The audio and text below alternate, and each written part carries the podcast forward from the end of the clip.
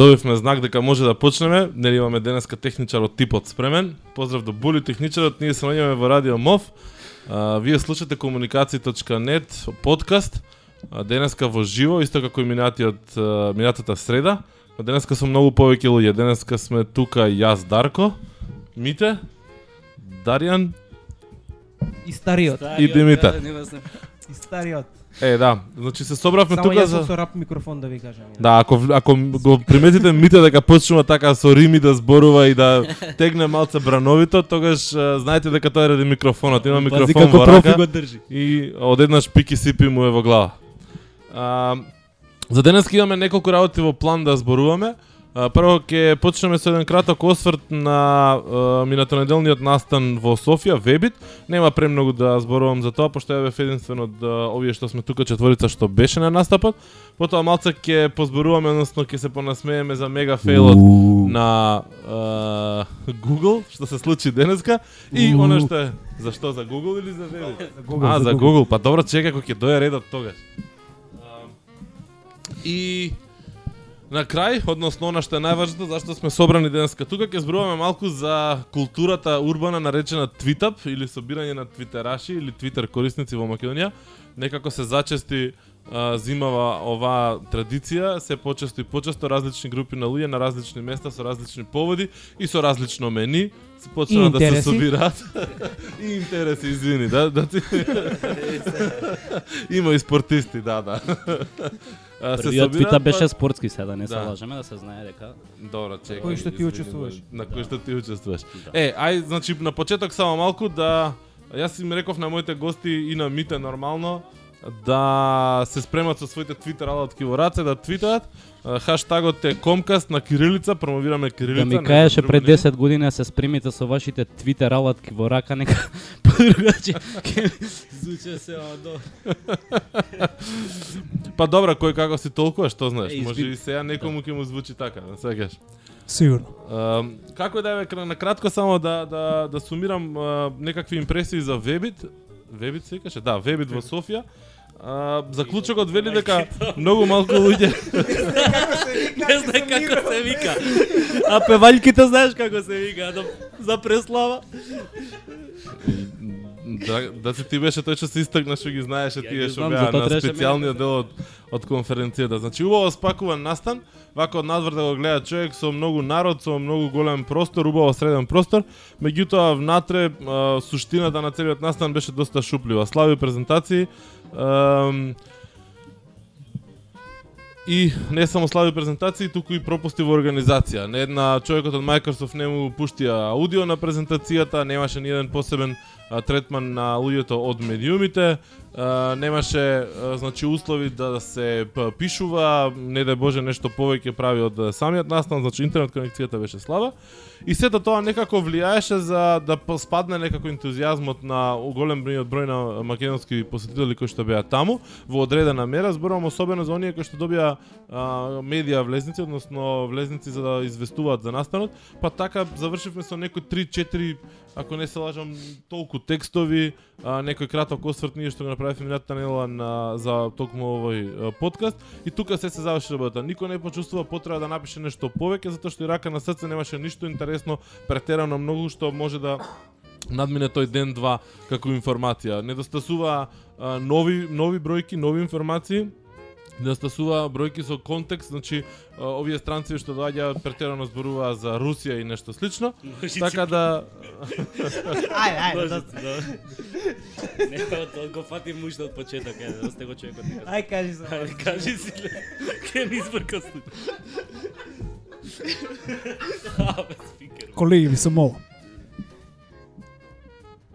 Еве за шамарот ваму има, ама тоа ќе ќе го коментираме покасно, значи Кинџо шамарот кој ќе дојде време ќе го коментираме, сега ќе продолжиме со, со веби вебит ако има Дарко уште нешто да каже за тоа, мада мислам дека наставот како сите што го опиша не заслужува многу големо не Па заслужува тоа ми големо беше целта внимание. да кажам дека не заслужуваше внимание, мислам, не е дека времето за кое што зборувам. Ја, туку приказката е дека можеш да надуваш фина, можеш да надуваш фина приказка, а, ама не можеш да издржиш понатаму затоа што едноставно пука пука меурот. Мислам, е денеска пратија пресели со уште еден. Uh, као да демек ете не 5000 него 5100 луѓе им дошле, што уствари беше уште еден показател дека она баш во, во внатрешноста а, беше доста шуплив, значи не е се до Значи, големината ама на оние на настанот. стартот сами почнаа со билење на бројката 5000, што на крај очигледно нема шо да направат од самиот настан, и само да сподело дека ја надмашиле нивната бројка што им била како цел поставена, очигледно дека никој не зборуваше за квалитетот. Јас сум малку изненаден пошто лани бев на на вебите, бев на многу комерцијални презентации во најголемиот дел, ама бев на неколку кои што беа прилично а, нови а, барем во тој период, сега веќе немаше не се нови, значи да, тој тие да. зборувања, меѓутоа во тој период работите што ви кажува особено за видео адвертайзинг, за видео Так. рекламирањето, за видео банери, за Добро, интерактивни банери, беа беа работи кои што кои што па сепак се нови, барем за овој дел од Имаше имаше и овој пат такви нови ствари. На пример, се обидуваа неколку презента, презентери да зборуваат за новите мерки, за новите метрики, каде што click-through rate, односно мерењето на кликовите, всушност не е веќе вистинската мерка со која што може да се одрази квалитетот и ефектот на одредена кампања на интернет. Сега сите се фокусирани на броење на интеракции и на тоа колку луѓето стапуваат во, во, во контакт, односно во содржината која што се нуди на, на банерите. Меѓутоа, намерно не удиравме прејако форсирање на ова на оваа тема затоа што ние допрва почнуваме click-through rate моделот да го зборуваме во Македонија и пазарот допрва ги поминува тие породилни маки околу click-through rate па сега не дај Боже да зборуваме за интерактивни за интерактивно со како мерка, мислам тоа ќе биде доста доста позбунувачки тука. Затоа и ги тргнавме тие, тие теми на страна. Во секој случај имаше неколку интересни презентации, но Microsoft мене ми се допадна беше така интересна, субав субава студија на случај. На Google презентацијата беше сосема коректна, не беше од типот многу сме јаки, за разлика од еден куп други,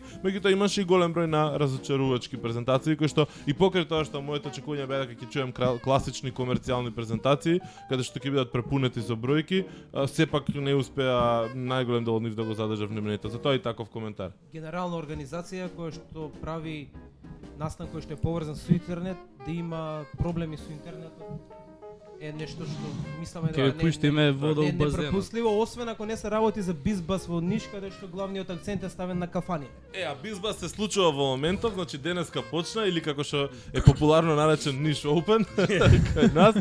А, имаше Савале свечено отварање, По прв следев пат оваа година имаат интернет на на конференција се која се. Да, по со оглед на бројот на твитови изгледа имаат интернет, имаат и лайв стрим, и тоа на две паралелни Најак сцени. твит што што е го доста Што интересно. го прочита, вика само на на Бизбас може вика ручекот да трае вика до 7 сата, од 8 да почне вечерата. Така. Официјално. Така да, мене ми е криво што го пропуштам тој настан. Ете на таков настан веќе можеш да, да Таков пропуштиш да нема да нема, ама на вебит мора да има интернет. Тоа е, Вебит види самиот пристап 5000 души се ти за што знам за таква сериозна тематика евентуално да им пуштиш певај брата на 5000 ја за, за Види, они има обид да направат журка вечерта, ама не беше баш претерано многу успешен. Мислам, ти виде, ти, ти твитавме и кратко видео споделивме како тоа изгледаше. Се беше малте полусмешно. Мислам, во истата хала каде што требаше да се соберат 4-5 луѓе, они собра 1000 луѓе на стоење овој пат, не дури на седење и сака да направат журка. Мислам, она, кон на сајм да ставиш у, у голема на сала 200 луѓе и да кажеш ај сега лудило ќе правиме тука забава некоја. Мислам не одеше. Беше спикерот може ке Тоа е веќе друго. Да. Кирауски. Да. А, да се префрлиме на, на втората работа, тоа беше Gmail апликацијата за iPhone, мене не ме интересира затоа што си имам Android и мене функционира Gmail апликацијата безпрекорно. Овие што користат iPhone и што мислат дека имаат најдобар user experience, нека кажат сега како ви ми е user experience, тебе ќе го оставам да. Дарко тоа да го каже. А потоа ќе се префрлиме на темата која што беше најавена за денеска, иначе да ви најавам дека најверојатно денеска ќе ја гњавиме еден сат. Најмалку. Најмалку. Најмалку сат. Се обидувам да а, да го најдам текстот на те кранчка. Стари пиши на жена ти дека ќе се задржиш. еден ку- еден куп твитови во кој што дури оние кои што вчера онака од двај со нетрпение очекува да го најават конечно Gmail апликацијата за iPhone, демек сега ќе имало push нотификации затоа што оној хакот со вградување внатре преку Exchange не бил толку најсоодветен, меѓутоа а, независно, значи денеска ја се симнав апликацијата пред неколку часа, ја инсталирав, само се појави еден една грешка во линкот и понатаму само бев останав чудо онака зачуден, чекај сега кај се нотификацииве, кај се сетинзите, кај се глупостиве, немаше ништо. За многу набрзо да отворам компјутер и да сватам дека всушност а, Gmail, односно Google направиле една тешка катастрофа А, поема немам како им се случило ова, ама мислам дека ќе биде А прогласен што Apple и нели? Да, а, значи Google станува полека Microsoft или барем а, така така така изгледа според ова според грешките кои што кои што ги прави. А, да сме живи и здрави, мислам, не знам што ќе значи ова за Google, иако ги сакаме како компанија, последниве неколку потези стварно онака не личат на нив. Што се случува, немам поема. Е, за мене моментално Ама- Gmail е незаменлив, така да оваа грешка многу набрзо ќе се заборави. Апсолутно, апсолутно. Мислам, целата приказка нели е дека нема нека не е ни толку важна апликацијата, имаат одлична веб веб апликација која што јас ја користам и не ни сум ни почувствувал потреба за да користам некоја некоја друга. Меѓутоа ете народот си барал, овие демек се обиделе да ја направат, ама нешто ја сгрешиле некаде, немам појма, ја гледам тиго, тагови на твитови од типот fail, face palm и нешто слично.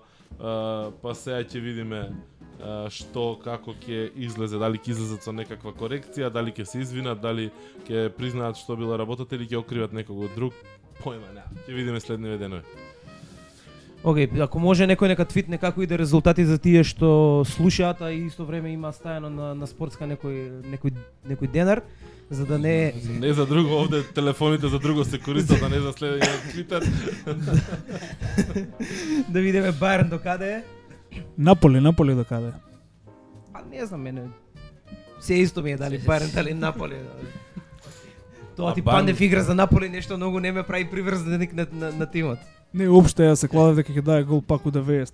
Ама цело утакмица да изигра како труп. Тоа под услов да го пуштат, нели, нормално, да, да влезе првен во на, на Не, утакмица. не, не знам дали игра, стварно. Океј, да се префрлиме од, фут, од фудбалот на темата која што треба денеска да да работиме, односно Да, работиме. Да, наставнику. тоа е тоа е те. Ќе ја испрашувам после, ајде. ќе ќе ќе ќе испрашувам после не се зафркавајте, да сега Дарко зборуваше и вас лесно тамо до фрлата да се смеете. Ќе испрашувам сега, не се ова е сериозно сега.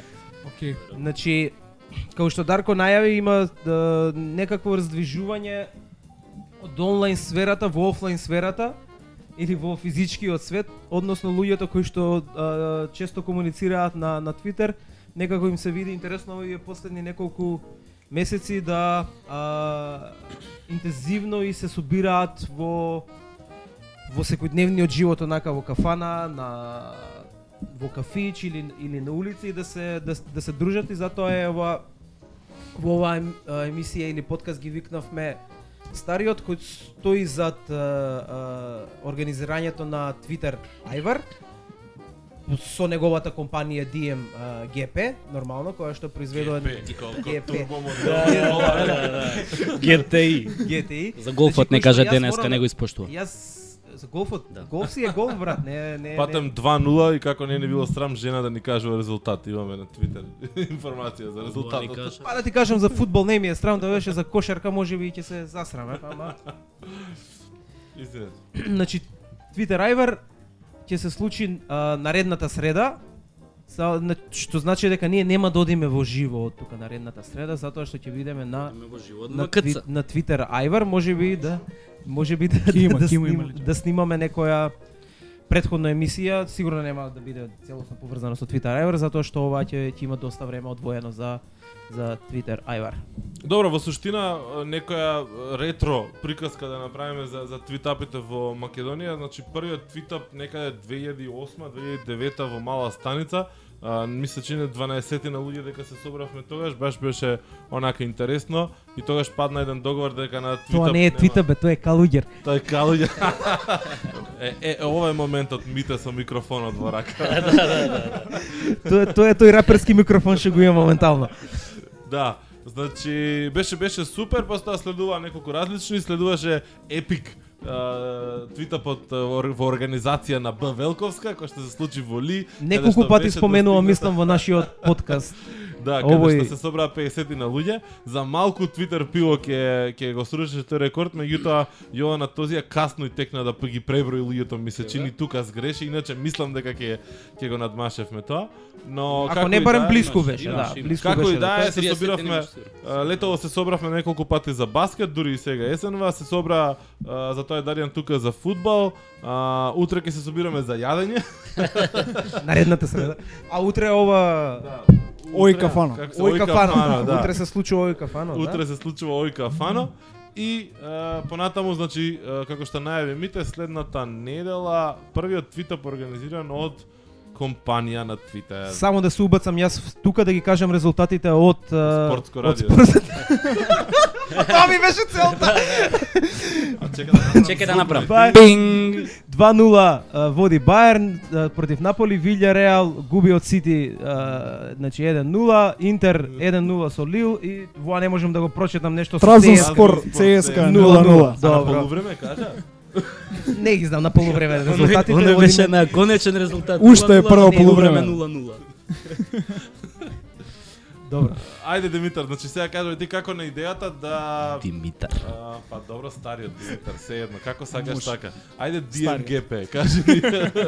Значи зборува малце повеќе како DMG сега. Нема проблем. Значи прво DMGP е релативно нов на Твитер како како компанија. Да, нов е. А, Околу два месеци сме на Твитер. Мислам, Твитер профилот е одамна направен, меѓутоа чекавме а, пригодно време да да почнеме да да твитаме нека поквалитетна содржина. Есен попригодно Да. здравје. Не сакавме колку ради реда да да бидеме само присутни, туку сакаме и, и ние како компанија и нашите потрошувачи и следбеници да имаат бенефит од таа наша заедничка комуникација. Значи оно што мене ми е интересно во во овој случај е што обично кај нас компаниите а, не се поврзуваат со друга личност. Ние знаеме дека стариот е тој што е поврзан со со со DMG. Обично луѓето се се кријат или пат се ставаат еден зид корпоративен зад за нивната компанија. Дали поради тоа што тоа е фамилиарна барем така јас мислам, Да, фамилиарна фамилиарна. компанија е многу полесно на таков чекор да се одлучиш отколку во овие нели компании каде што има некој што одлучува. Па сигурно во право си бидејќи сепак се работи за фамилиарна компанија која што сепак а, веќе прераснува во, во голема компанија и не е толку мала. Меѓутоа можам да кажам дека а, послободен се осеќам во твитањето и во самата комуникација преку сите социјални мрежи во со потрошувачите дека имам а, секојдневно сум со топ менеджментот, знам што се случува, ги знам сите работи како што треба и тоа ми дава голема способност јас во, во голема мера да, да изнесам и точни информации и на своја сметка да да превземам некои а, иници, иницијативи како што е Twitter Ајварат сега конкретно кој што ќе го организираме во Значи, среда. оној а, одлучувачкиот фактор, нели, бидејќи брзината на Твитер и социјалните медиуми е многу важна. Во кој Да. момент ќе изреагираш, тоа што е фамилиарно и тоа што имаш директна комуникација со твоите менаџери кои што најверојатно и се твои вработени, а, ти го олеснува а, менаџирањето на, со, на социјалните мрежи, така? Да, да, да, тоа е така. А, додека од аспект на другите компании сите се се уште мислам во фаза дека да, ние гледаме дека треба да настапиме на, на овие социјални мрежи и дури некои имаат и, и специјално вработени лица за таа работа. Меѓутоа или не ги хранат со доволно доволно квалитетна содржина тие да ја споделуваат со на на тие социјални мрежи или пак споделуваат само некои сувопарни информации кои што не им се доволно интересни на, на потрошувачите добиени во таква форма. Каков тип на информации, на пример, ти обично споделуваш? Колку колкава е слободата што ти си ја поставил за управување со овој акаунт и мислам два месеци сепак е релативно краток период. Колку колку а, Твитер сферата во Македонија го почувствува овој акаунт и тебе како дел од интернет а, заедницата а, поблиску с, преку него? Па, мислам дека не почувствува доволно блиску, бидејќи мојот прв твит преку тој акаунт беше моје лично представување да се знае дека нема да твита компанија како компанија, туку ќе твитам јас, односно ќе ќе по, позади тие твитови стои жива личност која што спремна е да слуша, спремна е и да врати на тие твитови во во во реално време.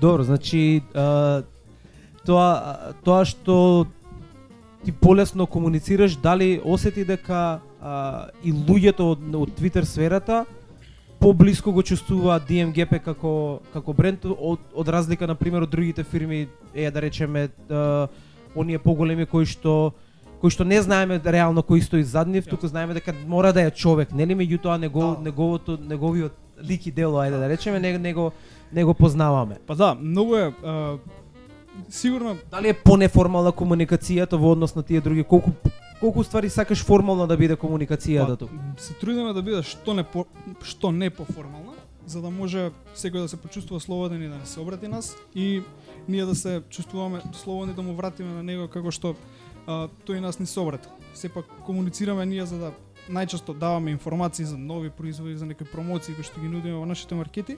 Исто така спремни сме и да слушаме и доста критики, бидејќи сакаме да ги слушнеме критиките и да одговориме на нив, бидејќи ги цениме, го цениме мислењето на нашите потрошувачи и нас не значи што мисле, што мислат тие за нашите производи и за нас како компанија. А, предпоставувам дека на овој начин дојде и целата идеја за за за Twitter Iver, затоа што предходно имаше мавите за Twitter Iver во неколку навреди на Twitter и вие само го уловивте моментот и решивте ајде ќе го правиме тоа или како изгледаше цел- целиот процес. Па ги следевме дискусиите кои се водеа за за Еверат и потоа ние на иницијатива на Мите, односно на предлог на Мите предложивме да да организираме а, Twitter Iver, кој што ќе биде кој што нели следбеник односно пандан на За на нашите доста- слушатели да. само да им кажам, сега Мите се понаша како да е фаун. Кај Twitter друм, таму мите Twitter кум. И Twitter Iver а, Тоа беше во стилот на Карадак. Еј, каква ни навреда. закудараш. И сакаме со Twitter Iver да направиме еден пандан на на Twitter пиво кој што беше као доста неформално а, неформално организиран настан за сите твитерџи и кој што се покажа а, доста успешен и ние сега како компанија сакаме суптилно само да ги поканиме сите твитерџи да присуствуваат на Twitter Iver. Еј суптилно. Еве и експлицитно да ги поканиме. да да присуствуваат. Не сакаме ние да се наметнуваме како демек и ние сме организатори, сепак сакаме ова да изгледа како и и е како поттикнато од самата Twitter а, комуна, ние како DMGP само ќе го спонзорираме со со со храна и со пригоден пиелок, така што се надеваме дека ова пред се ќе биде собир за една а, незаборавна дружба на сите твитерџи да го струшиме да го струшиме твита прекордот на Б Велковска во Ли, а дури на втор или на понизок степен паја промоцијата на нашите производи. Ќе се вратиме подоцна на Twitter. Iver, сега ќе отидеме малце на Twitter. Фудбал да него а, занемариме. Тука присутниот а, наш ценет гостин а, попознат како Дарјан Р. Повтор пат во нашиот подкаст, повтор чисто пат во само ако нашиот имате подкаст, да, некои ако а, недоумици. Да, Со значи не е никаков а, непотизам, напротив е чист лепотизам, зашто он е тука во овој во овој а, во овој подкаст а, повторно. Уште еднаш ако ме викнете плави картони ќе си барам. Може. Значи, а, видовме една ситуација каде што а, позади а, бренд а, кој што е има човек кој што е активен на Твитерот порано, не е сега, значи стариот активен на на Твитер. Гледаме една Експанзија. една комуникација на на луѓето за да се соберат на на еден настан, меѓутоа предводена или да речеме под подкровителство на на на бренд или ком, Компанија. компанија. Меѓутоа многу често можеме да видиме луѓе, значи сме сме сретнале Мак баскет, Твитер фудбал и уште мал милион а, други такви мали настани, Ој кафано на пример, каде што помала група на луѓе се со, се собираат. Како е гледаш комуникацијата помеѓу овие луѓе со оглед на тоа што а, многу често се зборува дека многу е тешко физички односно онлайн а, онлайн просторот да се да се пренесе во во физичкиот простор тоа е едно од најголемите проблеми што што ги наоѓаат сите теоретичари како гледаш ова раздвиженост во последно во Македонија на пренесувањето на офлайн на онлайн просторот во во во физичкиот простор на персонално ниво сега зборувам. Де, Па добро, више кога на теоретско рамниште го пренесе прашањево. Е, генерално јас сум поише застапник на теорија дека луѓето не го креираат својот аватар на интернет од нула, него дека влегуваат на интернет со некои претходни принципи, начини на донесување, матрици на донесување. Така што до некаде може би да се прикријат некои особини на личноста во виртуелниот живот, меѓутоа сепак она основното што ја карактеризира една личност на еден или на друг начин ќе излезе на виделина, а посебно тоа на Твитер е многу многу лесно доаѓа до израз бидејќи тоа е еден таков филтер во 140 карактери, ретко кој знае да се изрази на на на такво ниво да се чувствува слободен во тие 140 карактери, слушаме кој ти збор. Те слушам. Значи, од прилика сакам да кажам дека е соодветен филтер за да видиш на прва Значи кој премногу е кој- гола конверзацијата за да за да не можеш да откриеш дел од Па, карактерот на на, на Не, човек. напротив, значи не може многу да се сокрие. Во 140 карактери, знаеш, она да less is, is more, значи отприлика можеш да го фатиш човекот во тие 140 ба, баш бидејќи има некаков услов да се А вие фудбалерите 140 карактери се Па, он- разбирате одма. Па он теоретски ми постави се на теоретско, јас за фудбал мислев ке збориме. Па на теоретско ниво да да разјасниме кои Да, се па- интересите на Па, мис, На мислам луѓето дека да е го тоа, пренесат мислам дека е тоа. тоа. Услов- Значи реал- мене лично се, мене лично на пример, многу ми значи ако некој знае да се изрази на вистинскиот начин во 140 карактери. Знаеш, комуникацијата е сведена на минимум и во тој минимален простор треба да се снајдеш.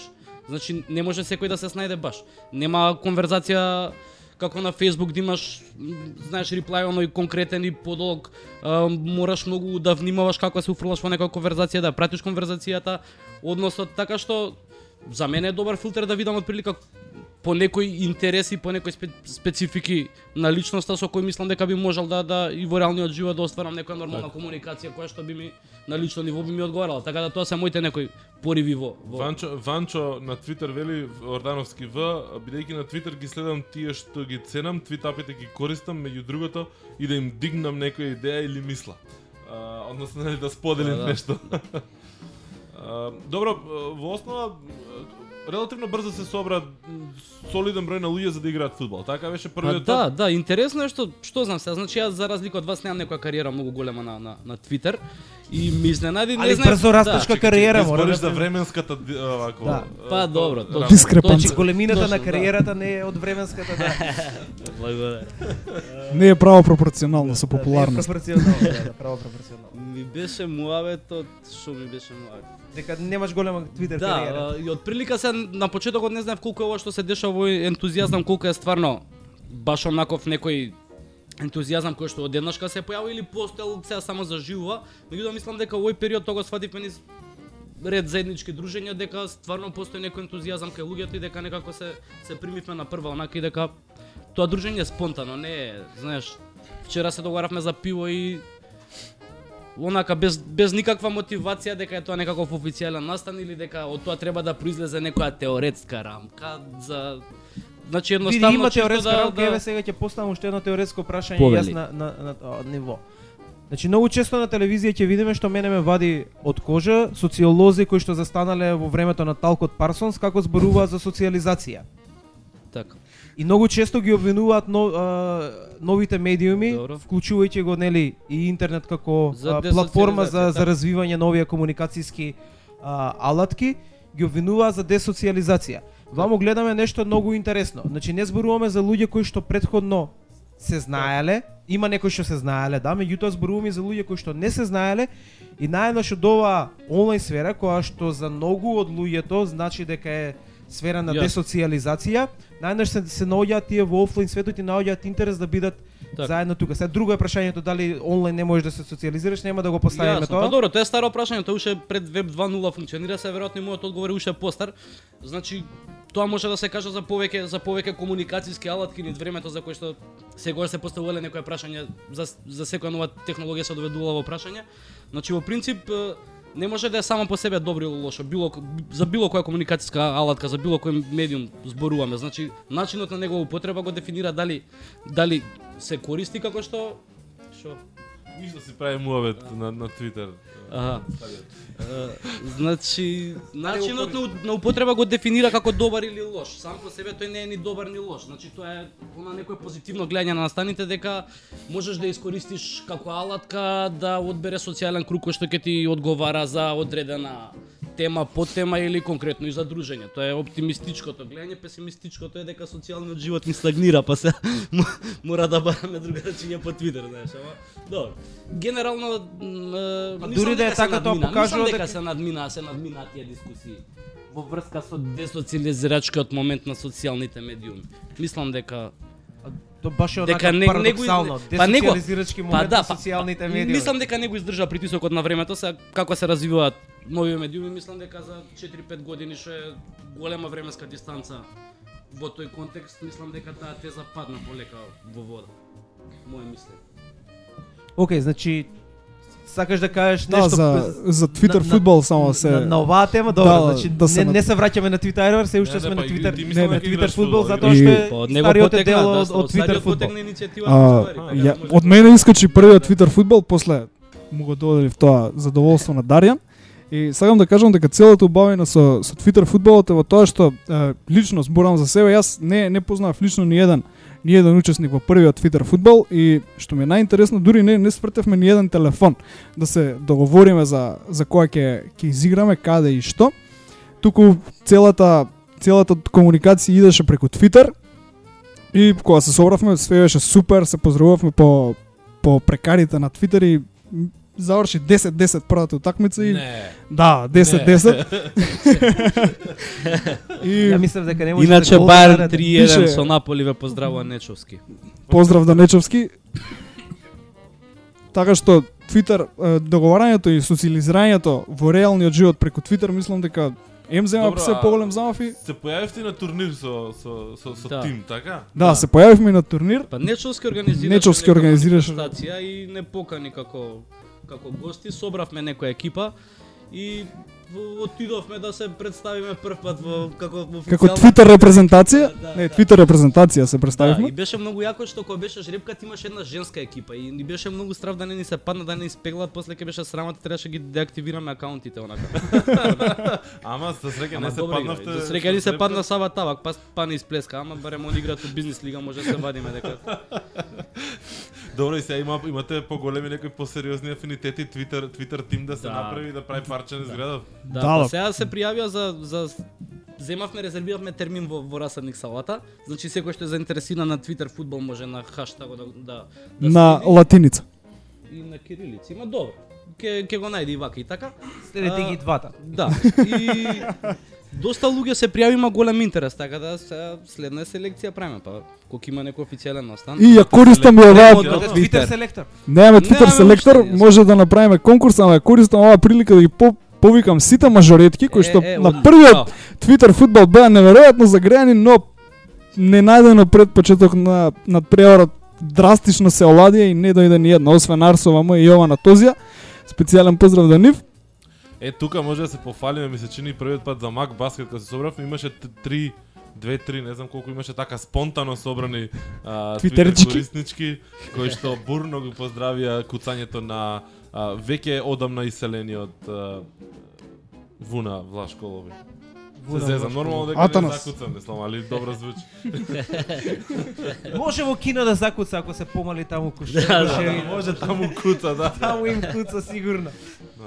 Иначе Јенко, еден од иницијаторите на за Мак Баскет и за изиграњето, тука го гледам низ Твитер, гледа фудбал до душа, ама еве и поздрав до него ако не не слуша да уклучи пошто сега ќе го спомнеме и на Твитер. Да. Океј, ајде да се вратиме на на на, на Твитер Айвар. А, кажи ми, Сирење ки дали сирење ќе има тоа е битна. Кој што го интересира, јас за ракијата си што- мислам дека ракија видов дека ќе има. Не, мене генерално ме интересира чварки дали ќе има, ама од овие не дуван што ти ги викаш Да, чварки, да, е туку да, сериозна да. чварка да се да се изнесе таму некаде. Ако фати кузевски врски по велешки месари, може и да да набавиме чвараци. Нема микс само дуван држчине. Да, иначе ќе има сиренци и од типот биено и од типот нормално.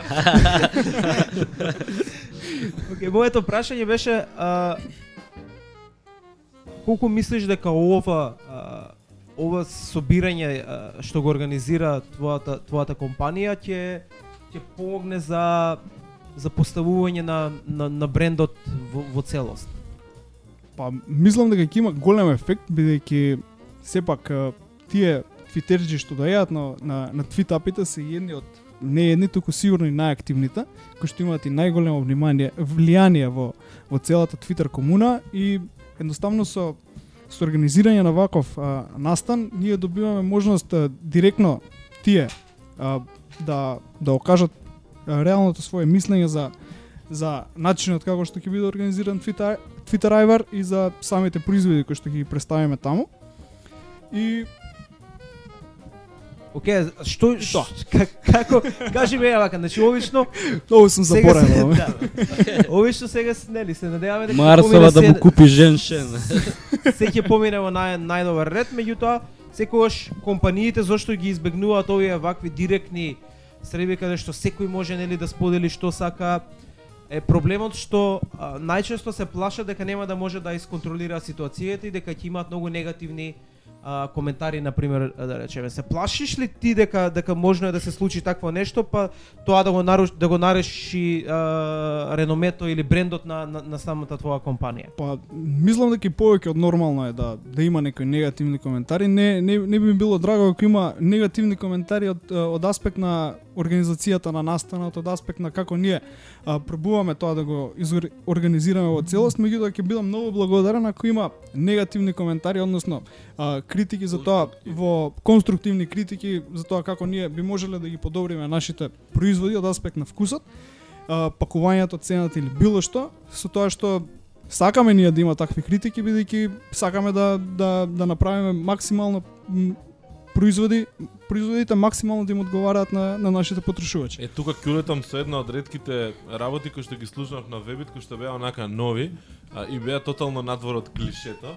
И муаметот беше, муаметот беше следен. Значи, вели, обожаваме кога некој на социјалните медиуми, како бренд, нели, кога работиш, ќе дојде а, и ќе ќе те исхејта, мислам, знаеш, ќе ќе почне да да зборува негативно за вас. Не и сега тука нормално очекуваш да кажеш затоа што после тоа ќе му објасниш бла бла, ќе го свртиш во Така. позитивен, него вика затоа што ако на вистина не е во право, тогаш така добро може да му докажеме дека сме многу добри, тоа е едно чудо, мислам, онака, мислам некоја реплика која што воопшто не не не ја слушаш најчесто по такви настани, Да. по такви книги, значи вика дај Боже некој да дойде што нема што да, да не хејта, ама да нема да нема право. Тек тогаш колку ќе му кажеме дека сме во, во Twitter фудбал терминологија тоа ми го дошло како му легна во леј. да, да. Океј, да ја ба па би сакал да да те прашам, нели дали Повели. дали како како човек, нели нормално е и како компанија сепак постои тој страв дека можеби нешто а, наопаку ќе тргне нешто негативно ќе се ќе се случи како а, како го надминуваш а, тој страв Па сега секако постои нели и мал страв дали се ќе искочи како што треба, дали а, ќе ќе успееме да ги наведеме, односно да да им пружиме добра забава и добар повод да твитаат на на самите твитериџи кои што ги при- присуствуваат таму. И сепак иако постои мала доза на ризик, не би се согласил бидејќи ризик е појава која што а, е само присутна кога не знаеш што правиш, а мислам дека ние многу добро знаеме што правиме и дека многу мали се шансите нешто да да да искрсне надвор од за- зацртаното. Каква беше реакцијата кај повозрастните членови од менаџментот на на компанијата? Мислам, дали те сватија кога им кажа што сакаш да направиш? Каква беше реакцијата? Има... Па да, Што мислеа од твоите дома, пошто фамилиарна, ти викат, абе синко, дај ме немој со такви работи, дај. стари сме ја објаснувам секој ден и и на нив и на моите дома и морам да кажам дека се уште бледо ме гледаат, се уште не е јасно а, кои се тие луѓе сега што специјално треба да дојдат, а, како они нас ќе ни испромовираат, а, па да не искочи ние да да искочи само како гола промоција, да не дојдат луѓето само да јадат. А, мислам дека полека полека со со извракување и со добро добро објаснување, мислам дека ги почнуваат малку од малку да ги сваќаат ти бенефитите кои што се прилично големи. А, меѓутоа се уште за Мора да- бенефитите ќе зборуваш после нас. после Да, да. да, да. А баш ќе верувам дека после еден настан, после една акција не можеш одма да да мериш. Мислам, Не, нормално, не, не Те очекуваме. ние- соска да направиш уште еден. Ко штапле. тоа не е тачно.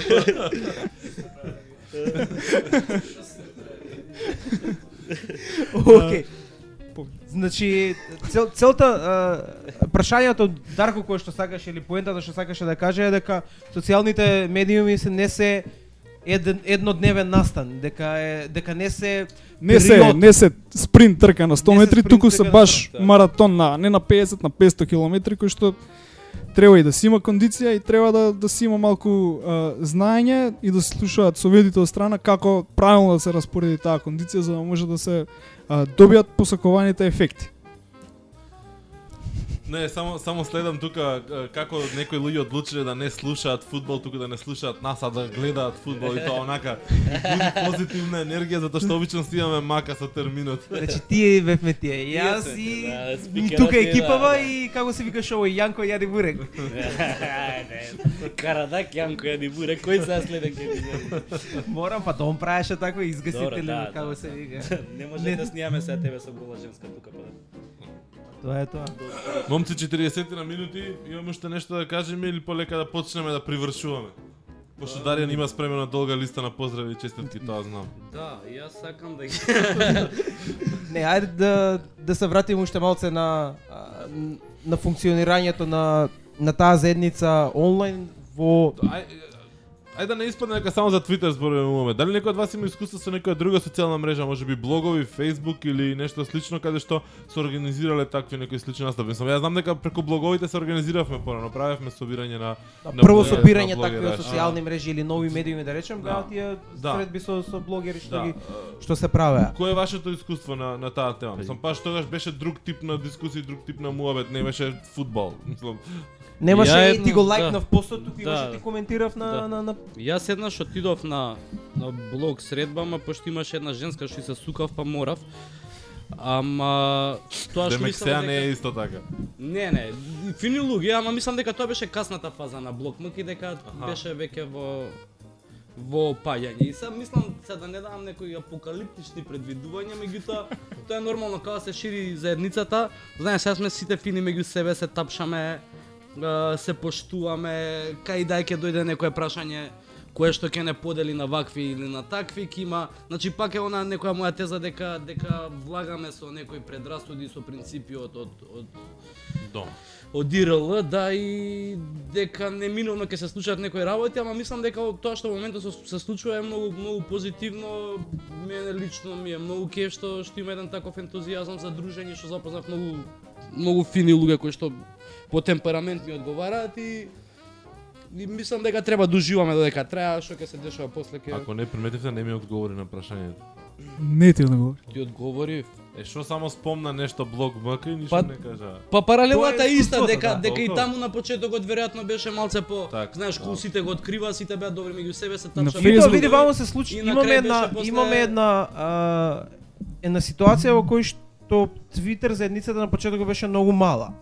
И имаше во одреден момент порасна и имаше одре, одредени средби помеѓу Да. помеѓу твитераши. Па после тој ентузијазам спласна, Да. се доека не до, не се донесе Нова на генерација. Да, нова генерација не добро. Потивко вие таму што правите? Лацијалец ме прозива преку таймлайн. Окей, те прозе, значи накратко да ви објаснам пошто не ме слушате што кажам. значи кажав за Твитер дека некако мене ми е во во интервали дека дека работи за разлика од блог кој што имаше еден пик и после тоа нагло или не толку нагло меѓутоа опадна и после нагло прилично, опадна. да, Нагло опадна. А Твитер заедница некако ми се движи во во интервали.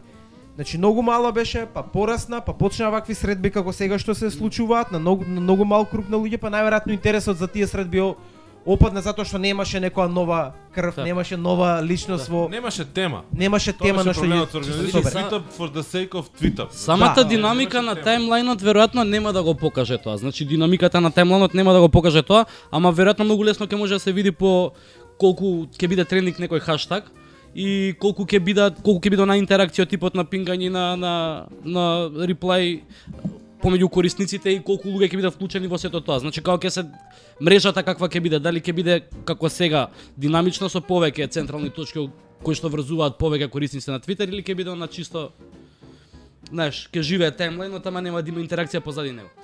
Не, имаш интеракција сигурно во неколку различни групи. Мислам се зголемува бројот на корисници, се а, дистанцираат луѓето по различни теми и интереси, по не знам, муабети кои што им одговараат и си ги тераат муабетите. Од време на време Да, ќе да. пролета нека тема која што ќе ги прекрсти, која што ќе ги спои овие различни групи на луѓе. Мислам тоа е сосема нормална работа. Имаш луѓе кои што а, се дел од 3-4 муабети, ќе имаш дел луѓе кои што се дел од само еден муабет, генерално зборувам, од Так. една заедница, од една група, така да сосема нормално е тоа кога зборуваме за теоретско организирање или групирање на социјалните мрежи на на интернет. Денеска. Прашањето е до кај стигнала македонската заедница и дали а, патернот со развојот на Твитер и со овие настани го следи патернот кој што а, го следеше или а, по кој што се одвиваше развојот на блогер за на блог заедницата на не Facebook не можам да кажам пошто сите се таму на Facebook, ама е тотално да различна комуникацијата Имаше- да Порано имаше обиди, мислам, пред неколку години се правеа студентски Facebook журки кои што мислам дека го носеа само името Facebook и ништо не прерасна тоа од типот на на како што ги правиме твитапите денес, беше само како да се А не имаш затворени кругови, нема како ќе организираш. Мислам паш Да. некако е многу многу без везе тоа. Не, не беше А. ни организирано, само на плакатот пишуваше Аха. Facebook. Да, немаше ивент на пример на Немаше Facebook ивент направено. на Facebook направен. Да, се Па сеќавам и јас не Тоа е тоа. Значи, знаеш што е исто многу битно, многу микрозаедници Значи сите имаме некоја сфера на интерес и барем ако ништо друго сме посетувале некој форум кој што е поврзан со таа наша тема на интерес и она што приметив јас на некој на некои такви форуми дека знаеш ќе се воспостават некои норми на однесување од самиот почеток и се тераат и секој што ќе дојде многу лесно мора да ги многу лесно ги прифаќа знаеш и, и продолжува целиот форум да да по тој по тој принцип да функционира. Значи некое почитување, некои правила кои што сите ги така што можеби овој момент е многу добар бидејќи има вие како постари членови една нова генерација која што на некој начин се како постари активни Се уште членови. се уште се трагаме по наврзува. 001 книжката. да, да, да. 156-ката знаеме кај. 156-ката знаеме каде. Така што да, фин овој овој елан е фин да се воспостави да се воспостават некои параметри на однесување кои што знаеш секој и ако дојдов на Твитер прво ми беше малце збунка, као на сите нормално, така. И гледам кои се параметрите на однесување и се прилагодувам кон нив. Така што секој нов што ќе дојде, ако ако дојде како поединец, а не како група, да речеме со некаква конкретна намера, веројатно ќе ќе му треба време и со некоја резерва ќе ќе влезе и ќе му треба време да процени како се однесуваат луѓето. И ако види дека таа заедница функционира заедницата нели ќе им ќе треба време да го прифати да види како се ќе- однесува. Па така. Затоа што на крајот на гришата таа ќе одлучи дали ќе ќе вле ќе влезе он во заедницата или Така. нема нема да влезе. Така, Мислам така. функционира исто како што функционираме малте во Па нормално офлайн е, офлайн да. светот, не. Не дека имаме некои различни патерни на на функционирање во во онлайн а, светот. Ќе завршуваме или не? Завршуваме, мене ми Ќе завршуваме, да. Ќе завршуваме, значи вечер имаме една мала Твитер салса. Е, сега се иде кај Сите ќе биде главен за Твитер салса. Не би да. Јована този ќе дојде да салса. Ајде да чекај, дај да усогласиме колку твитераши прават твитап. Минимум 10 ја мислам. Минимум 10? Е па ништо вчера не беше твитап тогаш. Тоа Па добро, не беше. ни да. Синоќа не беше твитап, значи ми... А спонтани Е, собиранки се бројат за да твитап. направиме what happens at tweetup, stay at tweetup. Ама тоа е старо правило. Пошто стариот ќе има 6 кила раки на Твитер. Десила се десилица. Да. Океј, а Да поздравиме некој? а, да, да, имате жена ти ќе те утепа од прескати твита на тајмлайн. Да ја поздравам Арсова М со песната Цеца од Лепи громе мој. И uh, wanna be твитерџијата Д Ставровски кој што прати 30 ме спораки за да биде поздравен и апел до него да го активира Твитер профилот. Е, супер. Ој, од кога се ќе се одјавиме со најава за настан или нема? За понеделник? Ја не поздрав, сам Па да, да, го да, да, да, извини, не ајде. поздрави Сам дали. да го поздравам Лацијале што ме прозива по тајмлайн, ќе му кажам следниот пат кој ќе треба да го носам. Уживо. Ондека ќе што правам пауза на бензинската за доручек на враќање. Леле, Сакам- леле, леле. И сакам да го поздравам Василј. А, Владко Васи, да. Баба, поздрав ако ме слушаш. таймлайн, Го нема. Така Гледа се Интер, тој сигурно интераш, интераш. Пепел. Да. Него сега ќе се одја ќе направиме на одјава од типот најава. Да. Значи најавуваме дека овој понеделник тоа е седми, така? Седми, да. Седми, значи седми, пошто девети е Twitter Айвар, значи Да. тоа е среда, седми е овој понеделник. Се случува петиот поред, ако не се лажам, Mobile, Mobile Monday. Темата ќе биде а, mobile веб наспроти а, нативни апликации или мобилни а, апликации. На оваа тема ќе зборува или своето а, мислење и размислување и идеи а, ќе го даде Ордановски Ванчо, познат попознат како Ордановски В. Или за оние поискусните, како Вордан. Или за поискусните кои што што што пред некое време ми го кажа и акаунтот и никнеймот негов на Багра, ама го заборавив, ама сега на Твитер сам ќе си каже кој ќе го прозвам. Да, значи он ќе он ќе ќе даде едно а, свое размислување зошто а, која е разликата и зошто мисле дека треба да компаниите да се насочат кон мобил веб а не кон нативни апликации, барам така И Gmail е жив пример од денес. Да, и Gmail Зошто е жив пример, да, зашто не треба апликации. И вториот дел од од настанот ќе биде а, за мобилно рекламирање. Дарко ќе каже повеќе за ова и јас се основа, тука. Ќе имаме уште една уште една презентација а, од а, луѓето ќе се нафатија да а, презентираат кои се стандардите, практиките и некакви позитивни примери во огласувањето на мобилен веб, односно на моб- мобилните верзии на веб страниците. А, ќе може да прочитате малку по-широка најава веќе вечерва или утре од на сајтот на Mobile Monday, што е достапен на momo.mk. А се гледаме во понеделник, не, вака да, да започнеме. Значи се гледаме утре во Дојрана во 4:30 На овој кафано. Овој кафано. Се гледаме во понеделник на а, На Mobile Monday. и се гледаме во среда на Twitter Iver. И измеѓу измеѓу нешто Twitter фудбал и Twitter салсио и Кога е Twitter фудбалот? Во Вторник. вторник, 10 и пол во расадник салата. Има и трибина, да може да дадат да навијачи слободно, Да, се и- транспарент. Е- Кој е гледал тука? Абе тоа е кошарка. разбирам. Не, и апел, апел, да, апел повеќе да од женскиот апел и да донесат пари луѓе. да се појават ради да мотивација бидејќи Ладно е у сала па да дишат поише. тачно. У расадник е стварно ладно. Ајде, а, значи завршува која епизода рече ти на почеток дека ова ком, комуникација подкаст? Девета мислам дека е. Е, Завршува девета епизода од втората сезона. Втора сезона, пази имаме втора сезона, еј, е, тоа е тоа. 50 и некоја минута. А, фала на гостите и се извинуваме на оние кои што ќе биде малку заморно да не слушаат кога повторно ќе не слушаат на комуникација.нет затоа што бевме доста И за сите несолени а, бучни, шали. Доста бучни во а, Ти ми делот рече дека е а, неформално. емисијата, ама Twitter тајминот им обидите за Twitter не понесува и нормално фини гости, добар муавет. Поздрав. Последно слушање. Поздрав. Пријатно.